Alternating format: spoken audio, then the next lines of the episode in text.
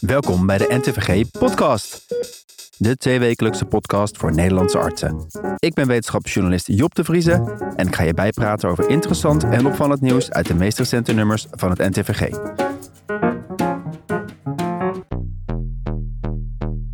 In deze aflevering hoor je onder meer over hoe financiële prikkels een gezonde leefstijl kunnen ondersteunen. Dat als je mensen iets geeft en er ook een soort dreiging is dat het weer afgepakt kan worden, dat dat heel goed werkt om gedragsverandering te stimuleren. Duiken Tim Dekker en Ernst-Jan van het Woud weer een paar boeiende nieuwe papers op uit de medische literatuur. Yes, eh, daar zijn we weer met een heleboel leuke nieuwe wetenschap. En bespreken we hoe een nieuwe pijnbestrijdingsbehandeling bij een gebroken heup een alternatief kan zijn voor opereren. Ja, we herkennen niet altijd dat de val een uiting is van de kwetsbaarheid in plaats van andersom.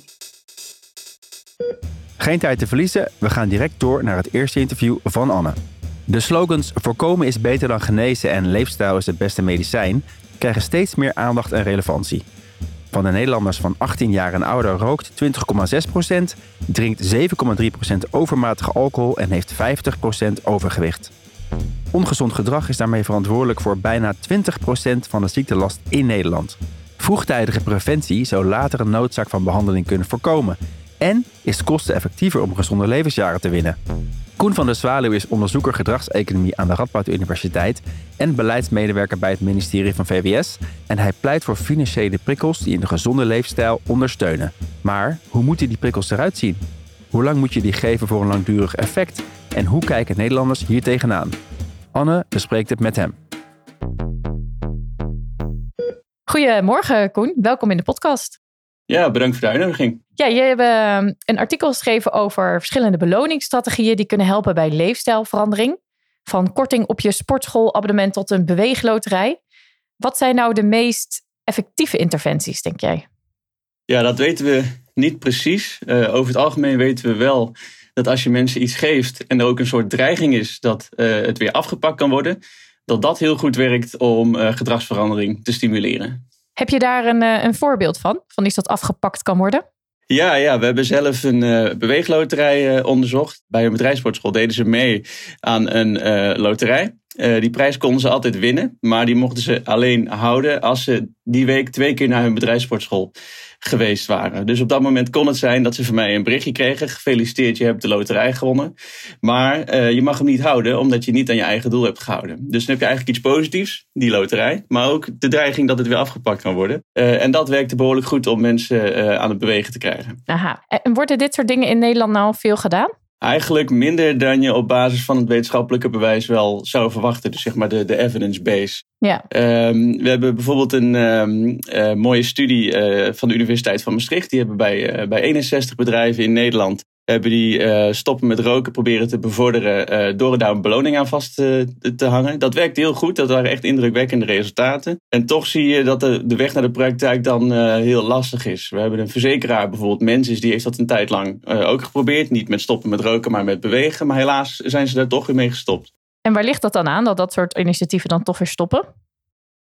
Ja, de praktijk is toch weer barstig. Maar wat ik zelf denk, en daar heb ik uh, niet echt uh, empirisch bewijs voor, maar dat er vooral normatieve bezwaren zijn en dat die bezwaren niet heel erg uh, op wetenschappelijk bewijs gestaafd zijn. En dat is wel jammer. En wat zijn dat dan voor soort bezwaren? Ja, mensen zijn toch bang dat andere mensen het uh, niet eerlijk vinden. Uh, dus mensen die geen aanspraak maken op de prijs. Uh, of er is een soort um, normatief kader omheen waarbij ze vinden dat gezonde leefstijl uit de mensen zelf moet komen. Wat we eigenlijk nooit zeggen bij, bij curatieve zorg. Hè? Dat mensen heel vrolijk het ziekenhuis binnenstappen van... hé, hey, ik heb eigenlijk heel veel zin om naar de dokter te gaan. Dat verwachten we helemaal niet, maar waarom verwachten we dat dan wel bij leefstijl? Waarom is motivatie daar zo'n belangrijk onderdeel? Ja, exact weet ik het niet, maar ik denk dat dat soort uh, normatieve bezwaren best wel uh, uh, leidend zijn. En er is dus geen bewijs dat er geen solidariteit voor zou kunnen zijn? Als ik zelf in gesprek ben met bijvoorbeeld werkgevers, want dat is een setting waar ik het veel heb onderzocht, dan hoor je wel dat werkgevers dat zelf als bezwaar uh, neerleggen, maar dat in de praktijk valt het echt reuze mee. Uh, sowieso zijn we in Nederland behoorlijk solidair met elkaar als het gaat over gezondheid. Maar het is wel zo, uh, als, we, als je mensen vraagt voor de basispremie van de zorgverzekering, wie zou daar meer voor moeten betalen? dat mensen wel wijzen naar mensen die een ongezonde leefstijl aanhouden. Maar nog steeds is dan, als je die vraag stelt, de meerderheid van de mensen toch voor een eerlijke verdeling. Ja. Je noemde net al even die intrinsieke motivatie. Tast je de intrinsieke motivatie van mensen niet ook juist aan door ze te gaan belonen? Uh, daar is eigenlijk heel weinig wetenschappelijk bewijs voor. Er zijn wat studies die dat laten zien. Maar bijvoorbeeld die Maastrichtse studie die ik net noemde voor dat stoppen met roken. Uh, dat is juist een heel mooi voorbeeld waarbij ze zien dat die beloning als een soort stok achter de deur en een steun in de rug juist de, uh, het zelfvertrouwen van de mensen heel erg vergroten. En ik vind dat juist een waanzinnig mooi voorbeeld waarbij die, die discussie over intrinsiek, extrinsiek volledig wordt doorbroken. Door te laten zien dat juist zo'n uh, beloning uh, mensen juist extra vertrouwen kan geven in hun poging om uh, te stoppen met roken. En, en dat bleek dus ook een van de belangrijkste mechanismen te zijn waarom die beloning goed werkte. En, en hoe lang moet je eigenlijk belonen om een effect nou langdurig te houden? Want ja, je kunt niet iedere keer een sportschoolbezoek blijven belonen, het lijkt me. Ja, waarom niet, vraag ik dan altijd af. Um, het is bij, uh, uh, ook bij, bij curatieve zorg, weer maak ik even die vergelijking, uh, zeggen we ook niet op een gegeven moment, eh, we gaan eh, de pillen weer van je afnemen, eh, of je hartmedicatie, of, of, of noem maar op, of je, of je insuline als je diabetes hebt. dus waarom hebben we daar bij curatieve zorg wel uh, voor over. En bij preventie zeggen we, nou, um, hier heb je even kort wat hulp en daarna moet je het zelf uitzoeken. Ja, en, en, en het effect houdt dan ook wel aan als mensen zo lang een beloning blijven krijgen. Ja, dat weten we eigenlijk niet. Veel van die studies, ook mijn eigen onderzoek, uh, dat loopt uh, een jaar of, of twee jaar. Uh, daarin zien we wel, ehm, als je die financiële prikkel weer wegneemt, dat mensen ook weer terugvallen. Dus in onze eigen studie ongeveer met de helft. Maar um, uh, het zou eigenlijk mooi zijn als je eens een keer een studie zou kunnen opzetten waarvan je zegt, we gaan dit eens vijf jaar uitproberen. Want dan heb je eigenlijk antwoord op die prangende vraag, wat is nou het lange termijn effect en hoe kunnen we lange termijn gedragsverandering nou ondersteunen? Dat is eigenlijk de hamvraag. En als ik jou goed begrijp, zeg je eigenlijk dat we geen langetermijn uitkomsten kunnen verwachten met kortdurige interventies. Maar dan wordt het dus vanzelfsprekend ook duurder. Tot welke bedragen kunnen dit soort uh, oplossingen gaan, vind je? Ja, exact bedrag heb ik niet. Eh, wat wel leuk was, bijvoorbeeld bij onze studie hebben we tot een jaar lang hebben we gedragsverandering bevorderd met die loterijen. Uh, en dat kostte over een jaar lang kostte dat maar 1,70 euro per persoon per week. Dus dat is eigenlijk heel weinig. En eigenlijk zou je ook de vraag moeten stellen um, tegenover die kosten, wat zijn de baten? Dus dan heb je het over kosten en effectiviteit. Uh, en de, de, de studies die daar onderzoek naar doen, dat mogen er ook wel meer worden, vind ik. Uh, maar die laten ook wel zien dat die financiële prikkels kosten en effectief zijn. Ja, en bij al die interventies gaat ook dat gedrag belonen beter is dan gezondheid belonen, schrijven jullie in je stuk. Leg dat eens uit. Ja, ja, er is dus ook wel bewijs dat uh, gezondheid belonen zou kunnen werken. Maar er zijn eigenlijk meerdere redenen waarom gedrag belonen beter is. Uh, de belangrijkste reden is dat die relatie tussen gedrag en gezondheid natuurlijk niet één op één is. Dus ook als je je ongezond gedraagt, kun je heel oud worden. Ik ken misschien wel de voorbeelden van mensen die een fles wijn per dag drinken en dan heel erg oud worden. Uh, en, en andersom, hè, mensen die heel gezond leven en toch helaas uh, uh, ziek worden. Met gezond gedrag verminder je risico op gezonde uitkomsten of op, op, negatieve uitkomsten. Maar het is niet zo dat je daar garantie op hebt. Dus het is eigenlijk heel demotiverend en het is ook wel twijfelachtig, ethisch gezien, om mensen dan te belonen voor uitkomsten, terwijl we dat met gedrag niet kunnen garanderen. Dankjewel, Koen. Graag gedaan. Dank Anne en Koen. Het artikel van Van der Zwaluw en Assen Delft vind je uiteraard op de website onder podcast. En reageren mag zoals altijd via podcast.ntvg.nl. De warme douche is deze keer voor een persoon die er niet meer is, maar wel een mooie erfenis heeft achtergelaten. Ik heb het over Hannah Playfair, lange tijd de no-nonsense verloskundige van de Bijlmer. Zij overleed afgelopen jaar, maar in het project Preventie Vroeggeboorte Amsterdam Zuidoost leeft haar missie voort. Aan de lijn heb ik Martijn Oudijk, hoogleraar en gynaecoloog in het Amsterdam UMC locatie AMC, die nauw met Playfair samenwerkte en de stuwende kracht vormt achter het project. Ja, allereerst natuurlijk gefeliciteerd en ook wel een, beetje een gekke warme douche, want de warme douche is eigenlijk voor een uh, vrouw die er niet meer is. Uh, maar ook natuurlijk voor het project wat, uh, wat nog steeds springlevend is. In de Belmer dus, Amsterdam Zuidoost zouden we het nu meestal noemen. De focus met name daarvan ligt op vroeggeboorte. Hoe is dat tot stand gekomen? Ja, dankjewel. Nou, in Amsterdam Zuidoost hebben we onderzocht dat van alle Amsterdamse wijken, en zeker ook vergeleken met andere uh, gebieden in Nederland, dat het vroeggeboortepercentage extreem hoog ligt. Dat ligt soms een paar procenten uh, hoger dan bijvoorbeeld in welvarende wijken. Ehm, en dat betekent dus dat de kans dat je te vroeg bevalt, met alle gevolgen van dien voor, voor moeder en zeker ook voor kind, ja, dat die veel groter is dan, uh, dan in andere wijken. En ja, daar proberen we in dit project, dus uh, project uh, Preventie Vroeggeboorte in Amsterdam Zuidoost, proberen we juist die vrouwen die um, ja, een hoog risico hebben om te vroeg te bevallen, proberen we die extra hulp te geven en, ehm, en bij te staan, juist om te voorkomen dat ze te vroeg bevallen. En dus ook die kinderen zo goed mogelijk een start in het leven mee te geven. En dat is eigenlijk geheel in de, in de, nou, in de geest van Henna, zou ik willen zeggen. Ja, en wat voor hulp is dat? En, en waarin zijpelt dan haar geest wat dat betreft door? Ja, we werken samen met, uh, met uh, belang, de grootste verloskundige praktijk in Amsterdam Zuidoost. Het zijn een drietal praktijken. Die zien die vrouwen natuurlijk bij de intake voor de zwangerschap. En als we dan constateren dat, ja, dat dit vrouwen zijn die extra hulp zouden kunnen gebruiken, dan verstrekken we bijvoorbeeld gratis direct al bij de intake supplementen. Uh, en multivitamine waarvan we weten dat ze goed zijn voor de zwangerschap en ook uh, uh, het vroeggeboortepercentage kunnen verminderen. En we geven ze hulp bij een leefstijlcoach die ze bijvoorbeeld kan helpen bij wat zijn nou gezonde keuzes in de zwangerschap, bij gezond eten, um, hè, gezond bewegen, echt bij een gezonde leefstijl. Dus we proberen echt juist die vrouwen die ja, het meest kwetsbaar zijn, om die een extra handje te helpen. Ja, klinkt hartstikke goed. Ja, ik zou zeggen, laten we hopen dat deze erfenis uh, lang mag doorwerken. Dankjewel. Graag gedaan. Dankjewel voor jullie interesse. Het is tijd om te gaan luisteren naar de meest bevlogen medische commentatoren van Nederland. De mannen van de House of Podcast, Tim Dekker en Ernst-Jan van het Woud. Zij zijn weer in een aantal belangrijke medische papers gedoken.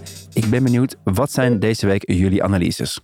Yes, uh, daar zijn we weer met een heleboel leuke nieuwe wetenschap. Zo bespreken we straks de resultaten van een flashmob-studie bij oncologische patiënten.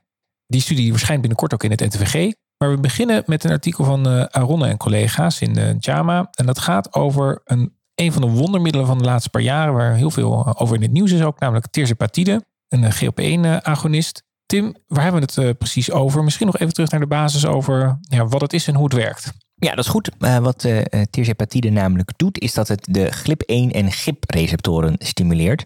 Nou, normaal gesproken komen deze stoffen dus uh, GLP-1 en GIP vrij na de maaltijd. En zijn ze betrokken bij het vrijkomen van insuline na de maaltijd. Of zijn ook betrokken bij het gevoel van verzadiging na de maaltijd. Met dit geneesmiddel stimuleer je dus deze effecten. En dat zou moeten leiden tot minder trek, minder voedingsinname, gewichtsverlies en ook nog een verhoogde vetafbraak. En dat blijkt ook het geval, want er zijn eerder studies geweest die hebben laten zien wat een eh, ja, indrukwekkend effect deze medicatie heeft. Zoals daar bijvoorbeeld eh, de, de Surmount Trial, die eerder in de New England Journal of Medicine stond. En die liet zien dat de toediening van dit middel eh, leidde tot meer dan 20% gewichtsverlies. Dus 20% van het totale lichaamsgewicht. Dus echt wel indrukwekkend. Ja, dat was inderdaad wel een hele indrukwekkende studie met mooie resultaten. Maar uh, ja, er valt nog van alles te ontdekken aan dit geneesmiddel eigenlijk. Waaronder ook de lange termijnseffecten. Is het effectief op de lange termijn? Uh, is er dus afhankelijkheid? En wat zijn de bijwerkingen op lange termijn? En daar gaat dit artikel ook over. Kun je luisteraar nog even kort vertellen wat de onderzoeksvraag van het, uh, van het artikel was? Ja, inderdaad, zoals je zegt, die lange termijn. Dus in, in, deze studie kregen de deelnemers, allemaal mensen met obesitas met een BMI van 30 of hoger, gedurende 36 weken tersepatide. Dat kregen ze allemaal, conform ook de eerdere studies. En dat werd dan subcutaan toegediend. En daarna werd gerandomiseerd na die 36 weken of mensen wel of niet doorgingen met de toedieningen. En dan werd er eigenlijk heel simpel gewoon gekeken wat er gebeurde met het gewicht. En er werd ook gekeken naar wat er gebeurde met lipideprofiel, bloeddruk, HbA1c, eh, et cetera. Ja, dus eigenlijk met andere woorden zijn de patiënten in staat om op eigen kracht na het staken van de medicatie het gewichtsverlies in stand te houden. Inderdaad, die samengevat de vraag. En helaas is dat niet altijd het geval. Um, wat wel interessant is om te lezen, is dat mensen die na de randomisatie het middel doorbleven gebruiken, dat die nog steeds iets meer gewicht verloren. Ging naast de, de 20% gewichtsverlies in het begin nog ongeveer gemiddeld 5% vanaf. Dus dat is het goede nieuws. Maar uh, je ziet dat mensen die stopten met uh, dat die langzaam maar zeker weer wat gewicht erbij kregen. En aan het einde van de studieperiode was het gewicht dan misschien netto nog steeds lager dan aan het begin van de studie.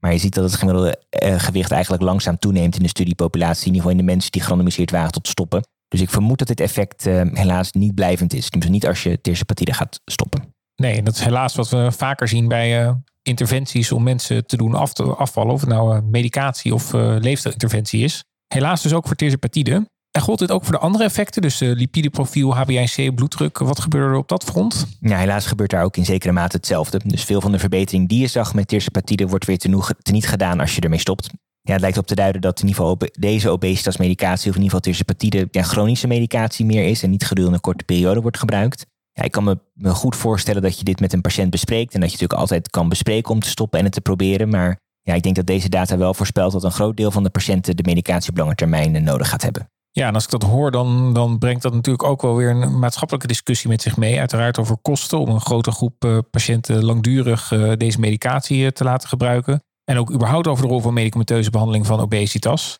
Dus nou ja, daar is vast het laatst nog niet over gezegd, maar, maar dat terzijde.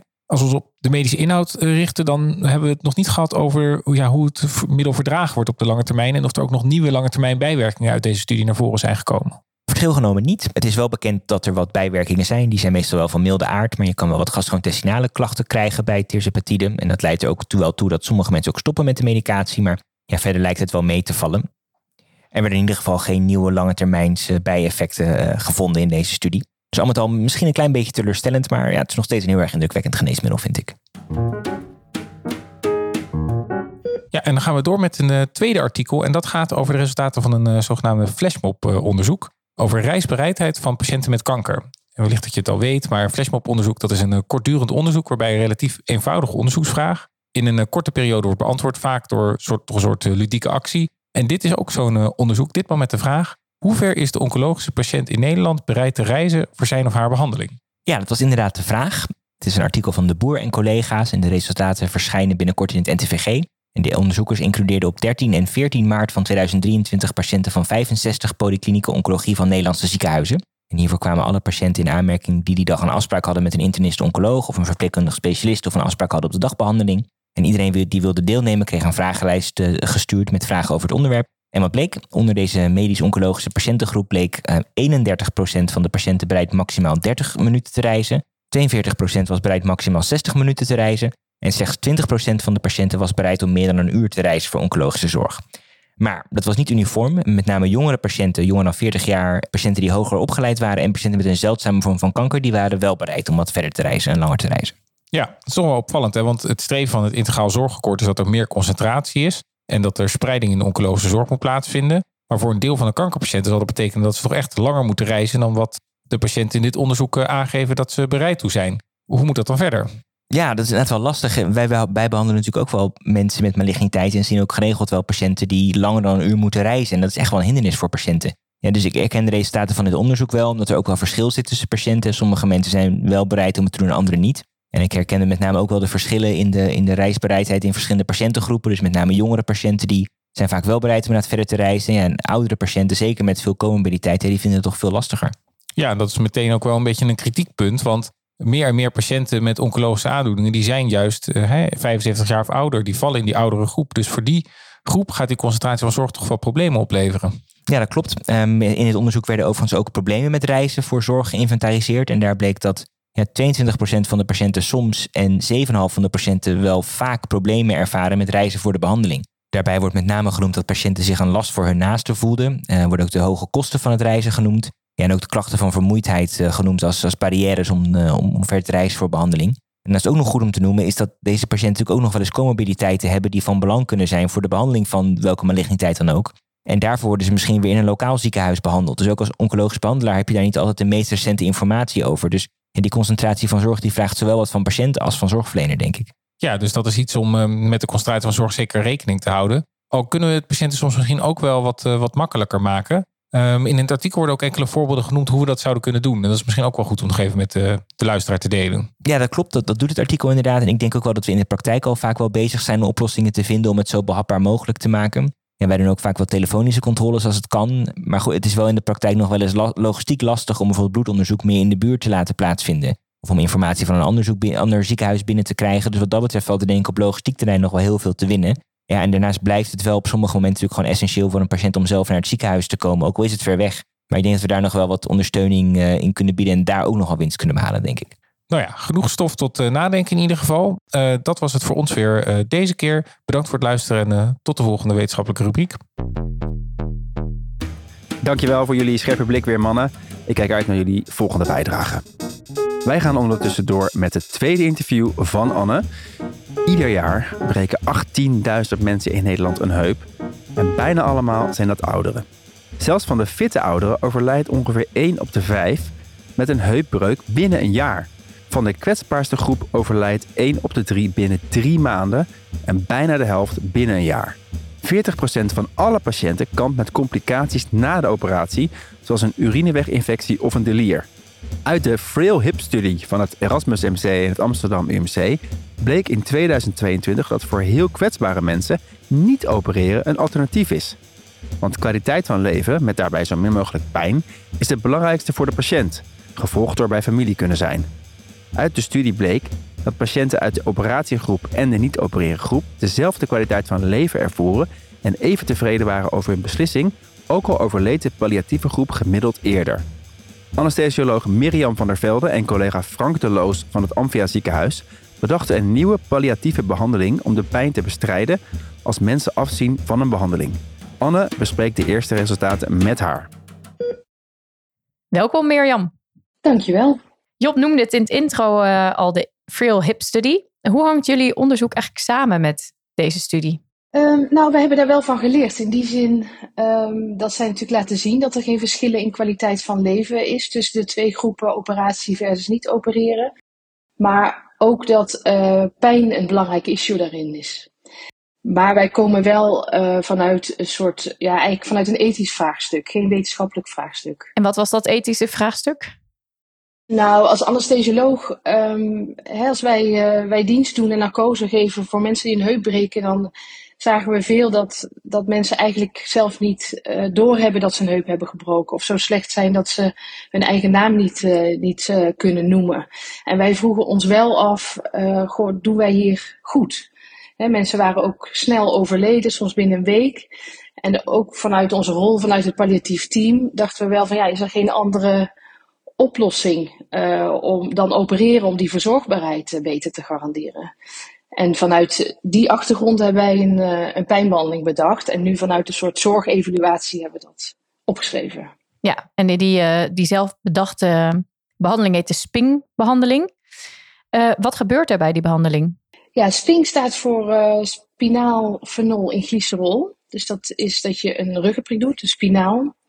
Um, en daar geven we fenol, dat is een neurolytische vloeistof. En die is heel viskeus door de glycerol die daaraan is toegevoegd, waardoor je het heel goed één kant op kunt sturen. Dus we behandelen eigenlijk een uh, in zijligging onder lichte sedatie één kant, dus het aangedane gebroken been. Het is eigenlijk een modificatie van een al bestaande behandeling. Hè? Dus we, ruggenprik is een gekende techniek en het meel kennen we goed. Maar wat nieuw is, is de, de indicatie en het dus het gebruik voor, uh, voor eenzijdig. En hoe verschilt uh, jullie behandeling van de PENG-behandeling die sommige luisteraars wellicht kennen? Nou, dit is venolisatie spinaal. En PENG, dat is ook venolisatie, maar van de heup zelf. Dus het is hetzelfde neurolytische principe, maar dan pak je binnen het heupkapsel de sensorische zenuwen aan. Um, en, maar in de praktijk um, ja, zien we dus dat dat dus niet werkt bij fracturen buiten het kapsel, want dat gaat anatomisch niet. Dus wel bij kolomfracturen, maar bijvoorbeeld niet bij pertrochantaire fracturen. En je ziet ook dat een heel groot deel nog opiaten nodig blijft hebben voor verzorging. En dat is nou juist de uitdaging, want stil liggen in bed, dan hebben mensen geen pijn. Het mooie is wel dat je bij PENG de motoriek behoudt. En die verlies je dus bij het springblok. Ja, en wat zijn andere mogelijke bijwerkingen van uh, springblok? Nou, incontinentie is een mogelijkheid. En we weten nog niet zo goed hoe groot of hoe klein die kans precies is. Omdat een heel deel van deze populatie al incontinent is. Mm-hmm. Um, ja, inmiddels hebben we ongeveer 80 mensen behandeld. En er lijken vrijwel geen patiënten te zijn die de novo fecaal incontinent worden. Maar dat weet ik pas zeker als we het ook prospectief onderzoeken. Ja. En hoe spannend is zo'n uh, nieuwe interventie nou voor jou als anesthesioloog? Ja, ja, je moet wel een beetje de ballen hebben om eraan te beginnen, ja. moet ik zeggen. De, kijk, ja, we maken willen zijn weten toch zenuwen stuk, hè, ten behoeve van comfort. En dat doen we als pijnspecialist vaak. Maar deze behandeling bedachten we wel zelf. Uh, dus ja, dat was wel spannend. We geloofden wel heel erg dat het zou werken. We hebben veel ervaring met fenol, maar ja. En we zijn ook een van de grootste pijncentra van Nederland, dus we, we doen veel oncologische palliatieve pijn. Maar je hebt maar één kans, want je hebt maar één laatste levensfase. En daarin willen we die kwaliteit verbeteren. Dus je moet het in één keer goed doen. Ja. Dus dat was wel uh, spannend. Ja. En hoe zijn de reacties van collega's? Ja, heel goed. Er, er zijn altijd natuurlijk mensen sceptisch hè, bij, bij nieuwe ontwikkelingen. Dat is denk ik normaal bij innovatie. Maar ik zie wel dat heel veel collega's overtuigd zijn dat springblok, springblok waardevol kan zijn in een selecte groep patiënten. Hè? Dus al de kwetsbare ouderen die weinig mobiel zijn. Omdat ze zien dat waardevolle zorg is. Dus we krijgen heel veel verzoeken voor ons protocol. Ehm, in het OLVG bijvoorbeeld hebben ze nu uh, na overleg met ons zelf tien patiënten gedaan. En dat was ook een hele goede serie. Uh, Maastricht, uh, Maastad en Rotterdam eentje. Ik denk wel dat het belangrijk is dat we hetzelfde werken. Dus dat we het later ook met elkaar kunnen vergelijken. Ja, en jullie beschrijven in jullie NTVG-publicatie een eerste case-series. Wat, wat bleek er uit dat onderzoek? Nou, we beschrijven tien mensen en die konden binnen 24 uur eigenlijk allemaal rechtop zitten. Zonder dat daar extra opiaten voor nodig waren. Dat is juist in die groep uh, wat de bijwerkingen ook kan geven. Um, ze waren gemiddeld binnen ruim één dag weer terug naar hun eigen woonvorm. En we hebben, omdat we dat na pijnbehandelingen altijd doen, ook al deze mensen of hun familie in dit geval uh, uh, gebeld. Ja, daarbij was iedereen tevreden. Dat is wel, wel hoopgevend. Het blijkt toch wel een goed middel om die pijn weg te nemen. Ja, en die case-serie was dus al voldoende om de interventie ook op andere plekken uit te gaan voeren. Ja, dat gebeurt nu wel. Ik denk dat het wel belangrijk is dat we het klinisch protocol nog ergens mogen publiceren. En het is misschien wel goed te noemen dat we in deze case-series gebruikten we nog uh, wat meer volume. En we weten nu dat als je 0,6 tot 0,8 milliliter geeft, wel van van 0,10% in glycerol, dat dat voldoende is. Jullie hebben best wel hoopvolle resultaten, als ik het zo mag noemen. En, maar toch is de normale gang van zaken in Nederlands ziekenhuis nog vaak dat een patiënt met een gebroken heup zo snel mogelijk de operatiekamer ingaat, toch? Ja, ja en nee. Ik zie die cultuur wel veranderen. En misschien wel mede dankzij de Frill Hip. Ja, we herkennen niet altijd dat de val een uiting is van de kwetsbaarheid in plaats van andersom. En dat opereren toch een lokaal probleem oplossen is maar niet die onderliggende kwetsbaarheid. Dus een patiënt is al in achteruitgang, die is al in de palliatieve fase en die valt daardoor in deze kwetsbare categorie patiënten dan. Hè? En je maakt iemand niet palliatief als je niet opereert. En, en dat is wel iets wat we nog meer zouden mogen erkennen, denk ik. Staat er nog vervolgonderzoek in de planning om de behandeling uiteindelijk in de richtlijn te krijgen? Ja, we beschrijven nu een uh, retrospectief cohort van ruim 50 patiënten. Eigenlijk ook over het effect van het spinkblok op pijnstillingen, op bijwerkingen en hoe tevreden de familie is. Want uiteindelijk gaat het daarom, over kwaliteit van leven. En dat ziet er eigenlijk net zo goed uit als de eerste tien. Nou, ik hoop dan dat klinisch protocol te kunnen publiceren, zodat heel Nederland weet wat we nou precies doen. En we zijn een consortium aan het vormen, zodat we prospectief kunnen kijken. Want dat is uiteindelijk natuurlijk uh, hoe je het netjes vastlegt. En dan kun je veel nauwkeuriger zeggen, nou, welke rol heeft Spingblock nu en voor welke patiëntencategorie precies. En hoe zit het met de kosten? Een heupoperatie is vrij kostbaar. Kan dit uiteindelijk kosten besparen, denk je? Ja, dat, dat is wel een goed punt. Dat zou ook een goede toevoeging zijn in, in de huidige discussie inderdaad. Hè, van niet alles wat kan, dat hoeft. Als we eerder erkennen dat iemand palliatief is, dan, dan kun je ook besluiten dingen niet te doen. En in deze categorie misschien mensen niet eens uh, zo'n belastende rit naar het ziekenhuis aan te doen. Ik denk niet dat je echt kosten bespaart, maar je krijgt wel uh, verschuiving van kosten. Je krijgt meer ruimte voor curatieve zorg. En met die toenemende patiëntenaantallen is dat misschien ook wel waar je als ziekenhuis voor moet gaan, denk ik. Dankjewel, Mirjam. Graag gedaan. Dank Anne en Mirjam. Het artikel van Van der Velde en De Loos vind je op de website onder podcast. En reageren mag zoals altijd via podcast.ntvg.nl. En hiermee zijn we aan het einde gekomen van deze aflevering met hoogtepunten uit het vernieuwde NTVG Maandblad. Maar de rest van het blad is natuurlijk net zozeer de moeite waard. Bekijk en lees het nieuwe blad, gedrukt of op de website. De redactie is heel benieuwd wat jullie ervan vinden. Over twee weken praat mijn collega Anne van Kessel hier weer bij. Mij hoor je vanaf deze stoel weer over een maand. Heb je een vraag of een suggestie voor bijvoorbeeld de warme douche? Laat het ons weten via podcast.ntvg.nl. Waardeer je onze podcast? Stuur ons dan door naar die ene collega waarvan je zeker weet dat hij of zij ons ook kan waarderen. En laat vooral een review achter door een aantal sterren te geven. En zo help je ons niet alleen de beste, maar ook de best beluisterde medische podcast van Nederland te worden. Voor nu een heel fijne dag gewenst en tot de volgende aflevering. En onthoud, een goede arts is een goede luisteraar, dus blijf luisteren. Dit is een podcast van de NTVG-redactie in samenwerking met mij, Job de Vriese, Anne van Kessel, Tim Dekker, Ernst-Jan van het Woud en audiocollectief Visionair Ordinaire.